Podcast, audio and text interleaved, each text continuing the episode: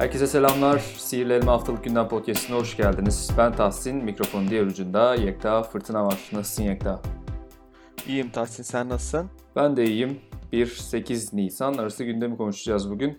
Gündemi konuşmadan önce iletişim adreslerimizi hatırlatayım. podcast.sihirlielma.com adresinden bize soru, görüş ve önerilerinizi iletebilirsiniz. Sihirli Elma'nın Twitter, Facebook adresleri üzerinden de bize ulaşabilirsiniz. Ayrıca bizi dinlemek için SoundCloud ve iTunes platformlarını kullanabilirsiniz. Şimdi gündeme geçmeden önce e, şöyle bir genel bir sorumuz var. Birçok farklı kişi tarafından bize soruldu bu soru. Onunla başlayalım Yekta.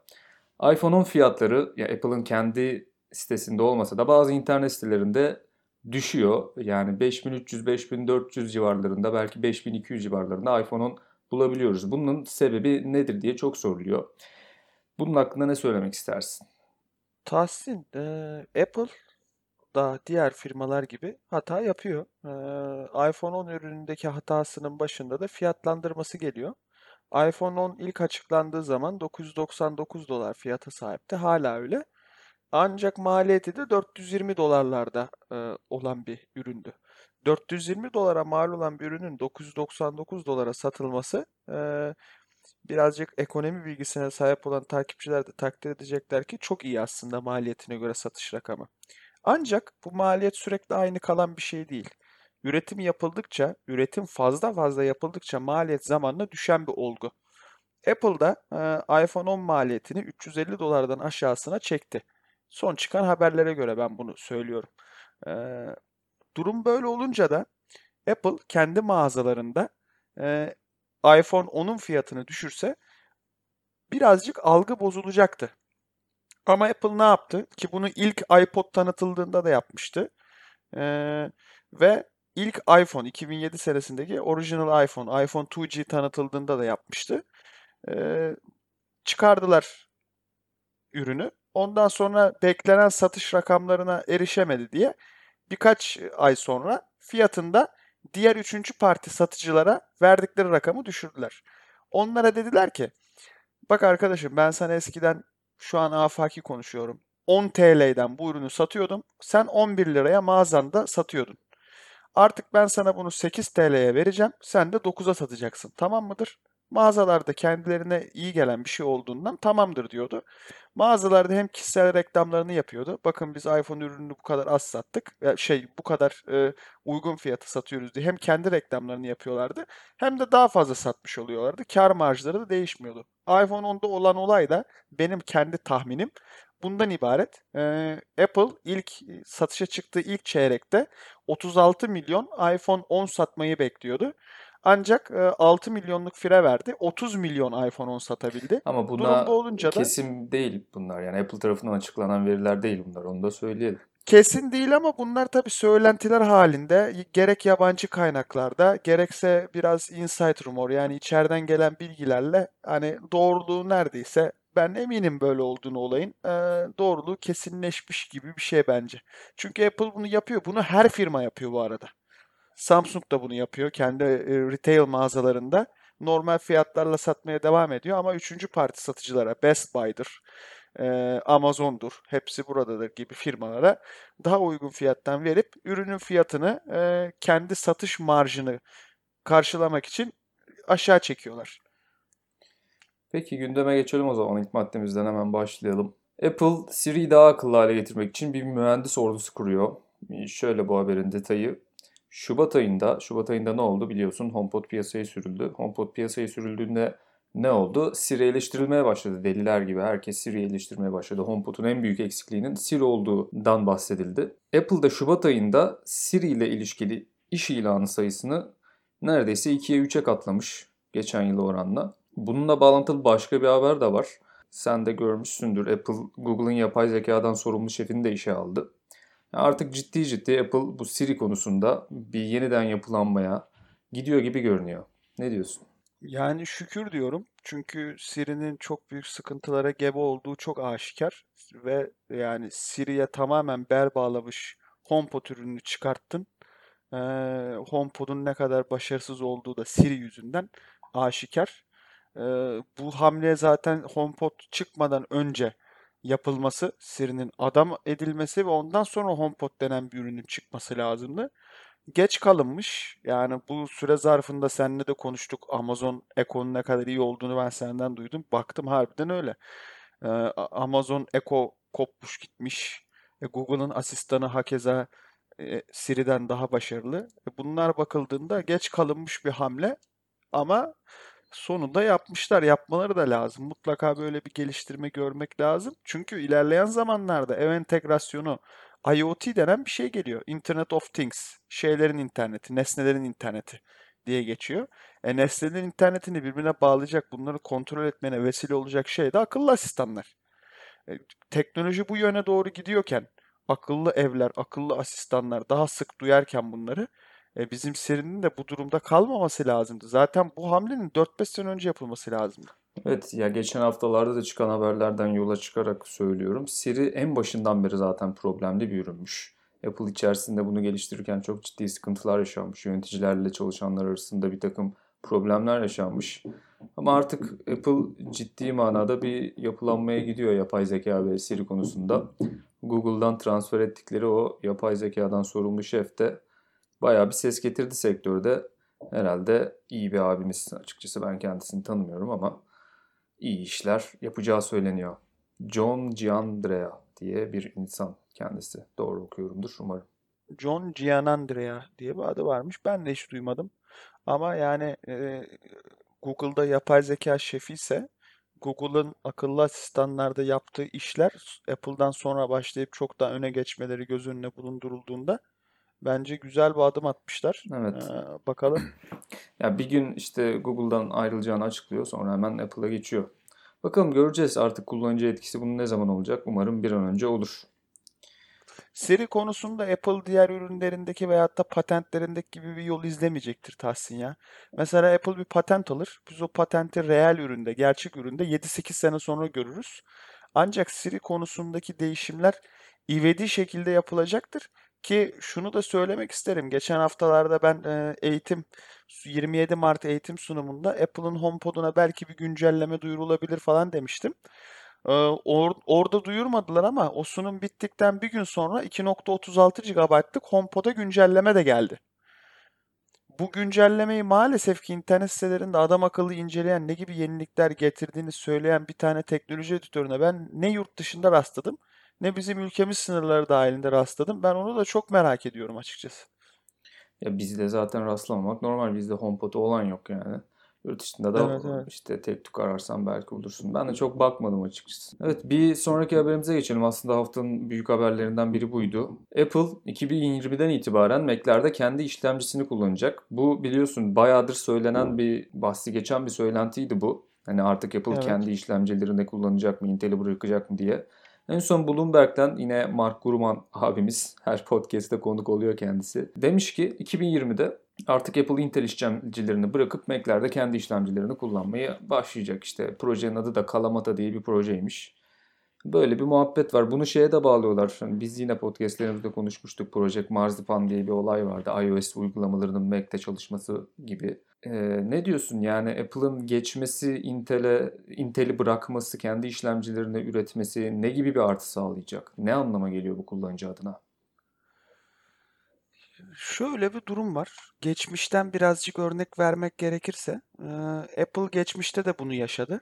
E, Motorola e, G3, G4, G5 işlemcileri kullanırken e, G5 işlemcilerinden itibaren Motorola'nın kendi e, işlemci mimarisinin mobil bilgisayarlar için uygun olmadığı ve e, performans per watt yani e, watt başına alınan performans değerinin Motorola G5'lerde inanılmaz kötü oluşundan sonra Intel'e geçildi. Ve e, çeşitli Rosetta gibi e, yazılımlarla e, Motorola G seri, G serisi işlemcilerinde çalışan uygulamalar Mac'lerde de çalışmaya başladı. Ben bu geçişi bizzat yaşadım. Yani babam o zaman Mac kullanıyordu. Ben de Mac'e inceden başlamıştım. Ee, inceden başlamıştım değil tabii o zamanlar G5'im vardı. G, e, iMac G4'ten G5'e geçmiştim. G5'ten sonra da iMac Core Duo'lar tanıtılmıştı. Ee, biraz sorunsuz yani profesyoneller çok ufak bazı konularda sıkıntılar yaşamışlardı ama genel olarak çok köklü bir değişikliği e, gene başarıyla atlatmıştı Apple. Bunun da zaten o zamanın sunumu izlendiğinde görülüyor. Biz e, macOS'u en başından beri aslında hem Intel hem de PowerPC işlemcilerle çalışması için 5 sene boyunca arka planda bu işi yürüttük ve sorunsuzca kullanabile kullanabileceksiniz dediler. Çıkan kodlara bakıldığında da çıkan kodlar şu an güncel macOS işletim sistemleri için söylüyorum. Gerek Sierra olsun gerek High Sierra olsun kaynak kodlarında zaten Apple'ın ARM işlemcilerine A serisi işlemcilere desteğinin olduğu görülüyor. Hakeza Windows 10'da olan gelişmelere bakarsak Windows zaten ARM destekli ARM mimarili işlemcileri destekliyor. Son zamanlarda Snapdragon yaptığı bütün sunumlarında 845'te çalışan laptoplarını, Windows 10'lu laptoplarını falan tanıtmış durumda. Bu hem bootcamp olayına zarar vermeyecek Mac için, Mac özelinde konuşursam. Çünkü e, Mac bilgisayar kullanıp da ya bir kenarda da Windows dursun diyen çok insan var. Hem ona zarar vermeyecek Ya o hem biraz de şüpheli zarar verip vermeyeceği çok tartışılan bir konu. Ben biraz gezdim e, böyle forumları falan da. Özellikle geliştiriciler bu x86 mimarisinin terk edilmesi konusunda bayağı şüpheli yani. Bilemiyorum orası geçiş nasıl olacak ama Apple bir şekilde onu çözer diye düşünüyorum. 2020'ye kadar daha var. ya Apple bilmem kaç sene önce Rosetta uygulamasıyla birlikte karma karışık WorldExer uygulamasını bile e, şey Motorola G serisi PowerPC işlemcilerinden sorunsuzca port edip bu aktif port yani kullandığın anda port ediyor, açtığın anda port edip e, çok ufak yüzde 17-18'lik performans kaybıyla çalıştırmıştı. Hakeza şu an bilgisayarların gücü çok daha gelişmiş 10 sene öncesine kıyasla. E, yazılım inanılmaz gelişti, yazılım teknolojisi. Yani bunların ben sorun olacağını düşünmüyorum. Ben bunun bir zarardan çok çok büyük bir artı getireceğini düşünüyorum. Çünkü yani bakıldığında ben e, Core MacBook'larda kullanılan Core M işlemcilerinin, MacBook Air'larda kullanılan Core i5 işlemcilerinin, kırpılmış Core i5 işlemcilerinin çok performanslı olduğunu düşünmüyorum. Hakeza soğutma e, konusunda Değil. da Zaten çok iPhone işlemcileri geçiyor işte iPhone'lar falan daha yüksek performans alıyor yani onlardan. Core M işlemcilerden. yani iMovie'den aldığın render çıktılarında baktığında iPhone kullanımının en zorlayacağı şey oyunlar falan değil. iMovie'de yaptığın renderlar. E, iPhone 10, A11 çipi uçmuş durumda Bionic çipi. Hani statik benchmark testleri %100 doğruyu yansıtmaz ancak Core M'le e, kırpılmış Core i5'ler, mobil Core i5'lerle Apple'ın A10 Fusion, A11 Bionic çiplerinde karşılaştırdığımız zaman e, yani gene de statik olsa da daha performanslı olduğu görülüyor. Ve Apple'ın maliyetler bazında da yani gidip bir firmanın başka birinden işlemci alıp ürünlerine koyması e, ma- maliyeti artıdır. Bu MacBook Air'ların, MacBook'ların, Mac Mini'lerin daha da fiyatlarının uygunlaşacağı anlamına da gelebilir. Ya şu da var Ve bir de e, mesela Intel geç üretiyor, geç çıkartıyor. E, Dolayısıyla Apple kendi donanımına koyamıyor. Hani bunu da ortadan kaldıracak bir hamle aslında. Tedarik sıkıntısını vesaireyi de çözecek bir hamle de. Benim şöyle bir e, şüphem var. Şimdi elbette ki hiçbir artısı olmasa Apple böyle bir şey yapmaz. Elbette ki bir artısı var ama tüketici olarak şundan biraz şüpheleniyorum. Şimdi bu haberde de bu Marzipan projesinden bahsediliyor ve diyor ki hani platformlar arası bu portlamanın geçişin daha kolay olması için Mac'te iOS uygulamaları çalışacak gibi bir durum söz konusu. Şimdi ARM mimarili bir işlemciye geçince acaba bunlar mesela Photoshop'a atıyorum baştan e, yazdırmak yerine baştan kendi sistemlerine göre entegre etmek yerine doğrudan iOS uygulamasını mı kullanacağız biz Mac'te? Acaba böyle bir topa mı girecekler diye ben endişe etmiyor diyorum. Çünkü neyi endişe ediyorum onu da söyleyeyim. Biliyoruz ki hiçbir zaman o iOS uygulamalarında normal tam full sürüm performansı alamıyoruz. Yani acaba böyle bir şey yaparlar mı? Benim o konuda biraz aklım karışık. Um- Yani sen diyorsun ki iOS'i macOS'a yakınlaştırmak yerine macOS'u iOS'a yakınlaştırıp Evet, macOS'u evet. topal bırakabilirler Aynen mi? ondan Ya, öyle biraz. bir şey yaparsa çok net bir şekilde Apple kendi Mac'in ayağına sıkar. Mac'i bir kenarda öldürür ki zaten iPhone'ların, iOS'lerin, e, Apple Watch'ların çıkışıyla birlikte Mac birazcık üvey evlat muamelesi görüyordu. E, Mac'in üvey evlat muamelesi görülmesinden sonra böyle bir rezillik de ortaya çıkarsa yani ben acayip üzülürüm çünkü Apple Apple yapan Mac'lerdir. Ya tamam burada ben herkesle sabaha kadar tartışırım. Android mi daha iyi, iOS mu daha iyi? Hiçbirimiz çözüm bulamayız. Kalkarız evlerimize gideriz. Ama yani macOS mu Windows mu konusunda tartışılacak bir şey yok ya. Ya bitti o. Kafada bitti yani. Windows kullanan insan bile gece yatağına yattığında bunu düşündüğünde Mac daha iyi abicim diyordur. Hı hı. Ya umarım Daha iyi zaten. evet ya umarım kusursuz bir geçiş olur. Bakalım göreceğiz 2020'de e, ne olacak. Bu arada bu haber çıkar çıkmaz Intel hisselerinde de son iki yıldır görülmedik bir düşüş yaşanmış. Tabii bir firmalar birbirine ne kadar e, bazı konularda kıyameti koparsalar da davalarla mavalarla birbirine bizim zannettiğimizden çok daha bağlılar aslında. Ben bu hamleyi olumlu görüyorum. Ancak şurada bir e, şeyim var benim.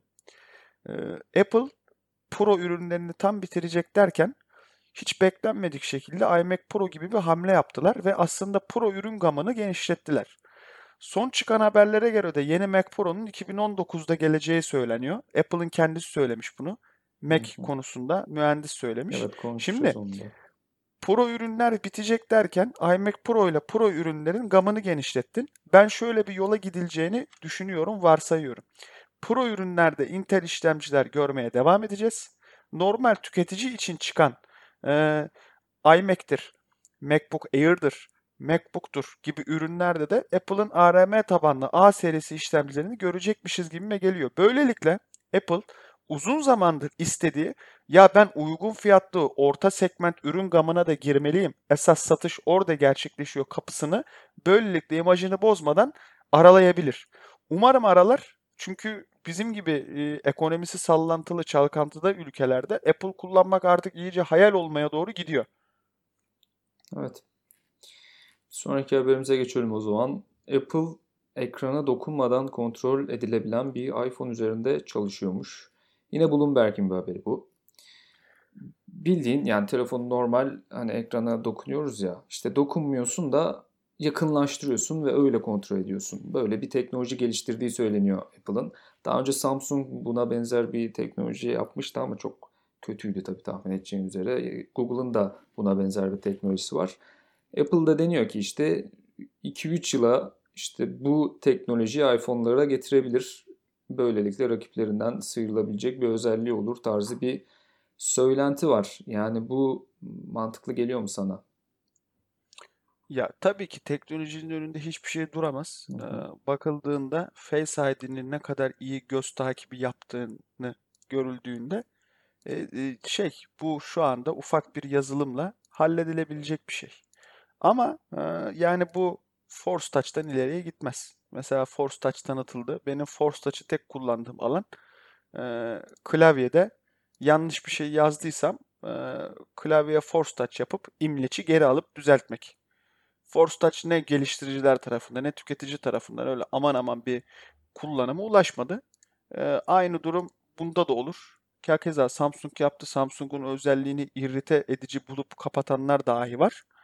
E, durum bu olunca da ben öyle hani tabii yapılabilir. Neden yapılamasın? Ancak acayip şekilde kullanıma ulaşacağını hani bir mimik olarak kalır o. Gimik pardon, gimik olarak kalır böyle ufak bir ha bu da varmış diye dediğimiz bir özellik olarak kalır. Çok kullanıma sahip olacağını düşünmüyorum. Evet ilginç. Ee, aynı haberde şundan da bahsediliyor. iPhone'lar için yeni bir kavisli ekran da geliştiriyormuş Apple. Ama bu kavis hani Samsung Galaxy serisinde ya da iPhone 10'da gördüğümüz kavis değil daha farklı bir kavis olacağı söyleniyor. Ama onun hakkında fazla bir detay yok. Büyük ihtimal bu haberin bu kavisli ekran haberinin bağlantısı bu geçen haftalarda yaptığımız mikroLED ekranlarla bir alakası vardır diye düşünüyorum. Herhalde mikroLED ekranlarla bir tasarım değişikliği de olacak iPhone'larda sanki. En azından gövdesi açısından, ekran açısından.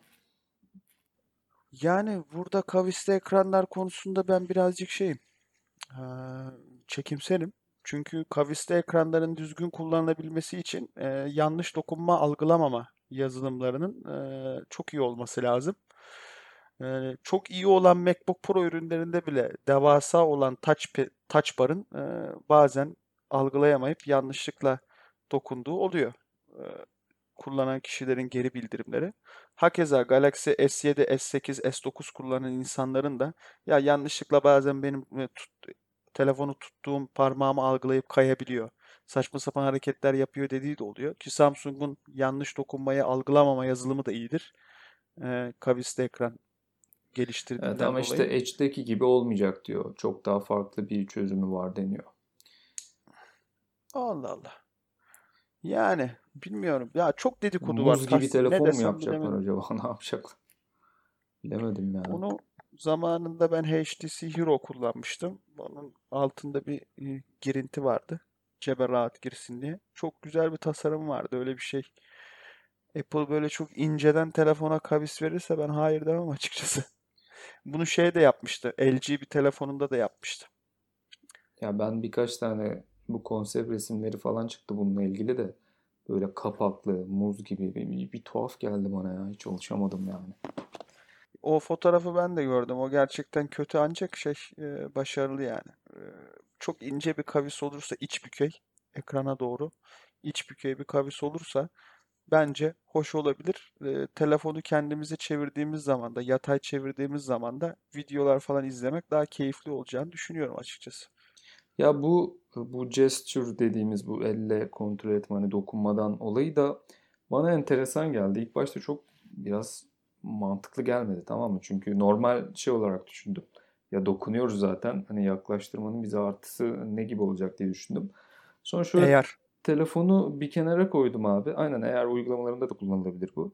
Telefonu şöyle masaya koyunca mesela elinle yaptığın hareketlerle kontrol etmek cidden çok cool bir hareket olabilir ya. Yani veya arabada falan da çok rahatlatabilecek şeyler olabilir yani. Sonuçta doku yaklaşma şey geldi diye dokunmatik kalkacak değil. Enteresan kullanım tabii alanları olabilir bence. BMW'nin kendi araçlarında mesela sesi açıp kısma, şarkıyı değiştirme, aramayı cevaplama, birini arama, çok ufak havaya yazı yazma. Yani A yazıyorsun. Ondan sonra direkt A'ya etiketledin veya da bir yazıyorsun. Bire e, eklediğin kişi annense anneni aramaya başlıyor. Bakıldığında bu gibi özellikler özellikle araç kullanırken çok efektif şekilde kullanılabiliyor. Mesela e, şey yapıyorsun. E, işaret parmağınla saat yönüne doğru böyle çeviriyorsun parmağını. Otomatik ses açıyor. Tersine çeviriyorsun, ses kısıyor. Elinle geç yapıyorsun, şarkıyı değiştiriyor BMW araçları. Ee, bu da araç kullanırken yardımcı olur. Bir de şöyle bir durum var. Yani bakıldığında eğer için de acayip yararlı olur. Özellikle gözlüğünün olduğunu düşünsene Tahsin. Gözlüğü taktın, telefonunu da koydun masanın üstüne. O telefon senin parmağını takip ediyor el hareketlerini ve sen el hareketleriyle o, o yarattığın eğer dünyadaki objeyi sağa sola döndürüp büyütüp ufaltıp yazılar yazıp çizimler yapıp kullanabilecekmiş gibi başarılı şeyler çıkabilir. Bakalım. Evet. Ya yakın bir tarihte gerçekleşmeyeceği kesin. Evet, orası Göreceğiz. kesin. Son haberimiz sen değindin biraz önce. Ee, yeni Mac Pro 2019'dan önce gelmeyecek deniyor. Yani 2018'de bekleyenler de vardı ama bizzat Apple çalışan tarafından deniyor ki yeni MacBook yeni MacBook Pro gelecek. MacBook değil Mac Pro.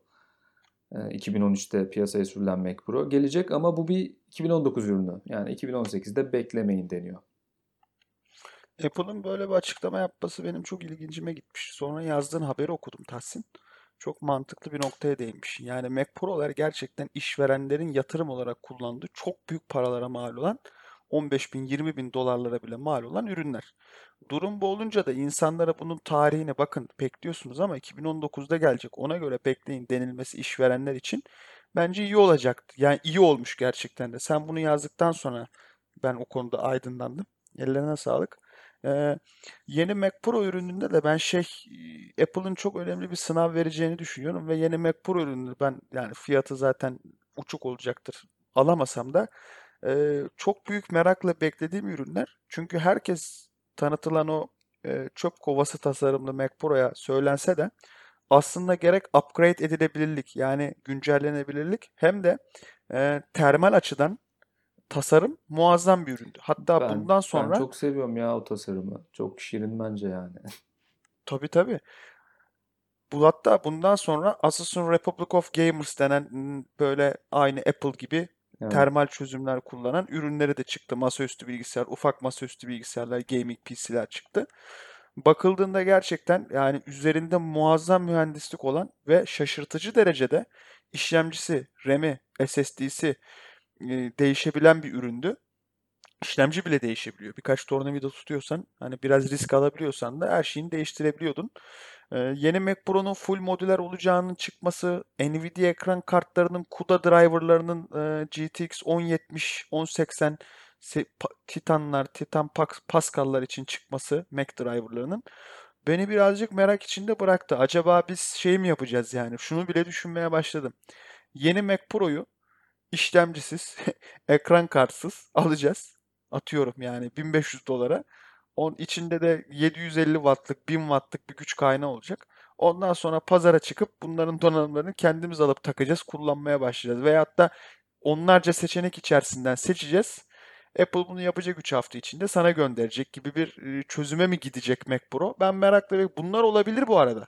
Yani çok imkansız gibi şeyler değil. Özellikle fiziki mağazalarda Mac Pro ürününün satılmaması, senin kendi isteğine göre konfigüre edip ondan sonra sana yollanması hem üretim anlamında zora çekmeyecektir Apple'ı hem de zaten bunun adı Pro. Yani kişi zaten ben Mac Pro ürünü internette gözüktüğü gibi o direkt o konfigürasyonunu alan çok az insan tanıyorum. Kendi öz isteğine göre iş yapıyorsa eğer Hı hı. çok özelleştiriyorlar Mac Pro'ları. Bakalım neler olacak. Evet, Mac Pro'nun ben de özellikle tasarımını çok merak ediyorum. Modüler olacak diyor. Ne kadar modüler olacak? Şimdi modüler deyince bir görüyoruz piyasada modülerim deyip de çok da modüler olmayan şeyler de var. Ne kadar Apple gibi bir firma ne kadar özgürlük tanıyacak o konuda e, tasarım ya performans açısından hiçbir sıkıntı yaşayacağını zannetmiyorum zaten. O kadar pahalı bir üründe profesyonel kullanıcılara hitap eden bir üründe ama tasarımını çok beğeniyorum. Zira 2013'teki piyasaya çıkan Mac Pro'da bence mükemmel bir tasarım. Kim ne derse desin yani. Aynen öyle. Bir de şöyle bir durum var Tahsin. Ee, mesela iMac Pro'daki donanımları kendin dışarıdan almaya kalktığında daha pahalıya mal oluyor.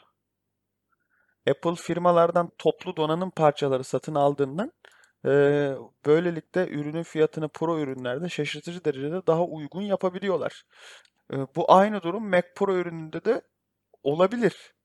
Yani adam toplu alım yaptığından AMD'den grafik kartı, Intel'den işlemci falan aldığı için eee, bakıldığında kendin toplamaya çalıştığında daha pahalıya e, mal edebiliriz ürünü ki bakıldığında e, 13.199 dolara pardon pardon pardon evet bak bir adam çok güzel bir liste yapmış.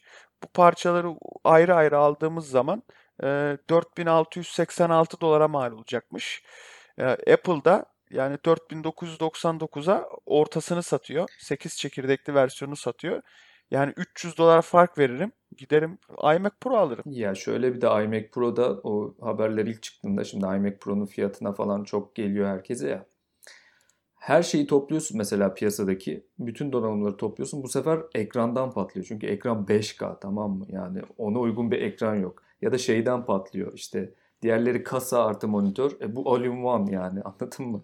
Birçok artısı var o konuda iMac Pro'nun. Yani fiyatı evet çok fazla, fazla tabii ki de. O seviyede Tabii. bir bilgisayar toplamak istersen çok daha fazla parayı gözden çıkarman gerekiyor. Ya Allah aşkına yani bir fotoğrafçıya bir lense 30.000 TL verilir mi nasıl diyemiyorsak iMac Pro'da parasını o işten kazanan adamların Yani bilgisayarı. evet onu da an- anlatmak lazım insanlara. Yani bunlar senin benim gibi tüketiciler için değil. Bunlar profesyonel kullanıcılar için, üreticiler için, Tabii canım. prodüksiyon Yani işi firmaların- yapanlar için. Ya adam film Tabii. montajlıyor bunda. Bir şeyler yapıyor ne bileyim. Ciddi Üç şeyler yapıyor. animasyon yapıyor. En basitinden ya senle haberini gene paylaşmıştık. HomePod'un reklamını e, Oscar ödüllü bir yönetmene vermişlerdi. O HomePod ekranında tamamen iMac kullanılmıştı.